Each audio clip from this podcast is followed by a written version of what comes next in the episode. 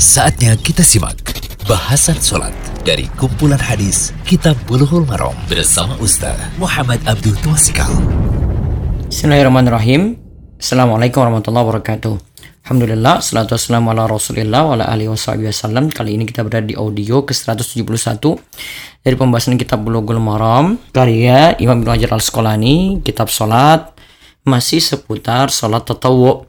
Kita sekarang lihat di hadis 35 atau 384 dari kitab Bulughul Maram dan hadis 36 atau 385 dari kitab Bulughul Maram yaitu tentang surat yang dibaca pada sholat witir Sholat witir tiga rakaat. Surat yang dibaca uh, pada sholat witir tiga rakaat. Hadis 35 atau 384 an Ubay bin Ka'ab radhiyallahu anhu qala kana Rasulullah sallallahu alaihi wasallam yutir bi sabih isma rabbikal a'la wa qul ya ayyuhal kafirun wa qul huwallahu ahad. Rawahu Ahmadu wa Abu Dawud wa Nasa'i wa zada wa la yusallim illa fi akhirihinna.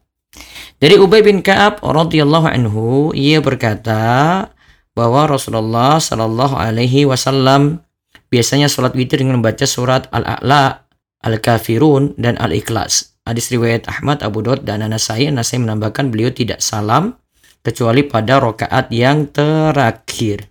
Dan Syekh Abdullah Fauzan dalam Minha Al-Alam mengatakan bahwa sanad hadis ini sahih.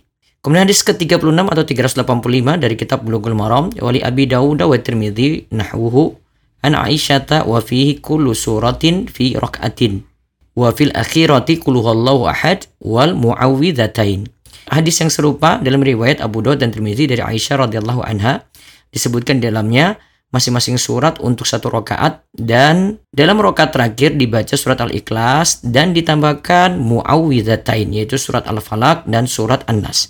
Surat Al-Falaq dan surat An-Nas ingat disebut muawwidzatain. Hadis ini riwayat Abu Daud, Tirmizi dan Al-Hakim juga Ibnu Majah. Syekh Abdullah Fauzan dalam Minha al-Alam menyatakan bahwa hadis ini memiliki syawahid atau penguat tetapi tidak menyebutkan muawwidzatain. Faedah hadis disyariatkan membaca setelah surat Al-Fatihah pada sholat witir yang tiga rakaat. Surat Al-A'la pada rakaat pertama, ya setelah Al-Fatihah, surat Al-Kafirun pada rakaat kedua, dan surat Al-Ikhlas pada rakaat ketiga.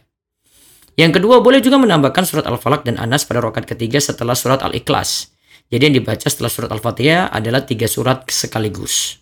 Yang ketiga, boleh membaca lebih dari satu surat setelah surat Al-Fatihah dalam satu rakaat. Kemudian yang keempat, sholat witir itu tiga rakaat. Salamnya adalah di rakaat terakhir, namun yang lebih afdol adalah mengerjakan dua rakaat salam lalu satu rakaat salam. Karena apa?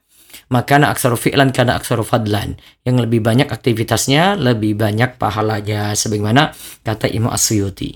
Semoga jadi ilmu yang manfaat dan Allah beri taufik untuk kita senantiasa menjaga sholat witir. Allah yubarik Demikian bahasan sholat dari kumpulan hadis Kitab Bulughul Maram bersama Ustaz Muhammad Abdul Tuasikal.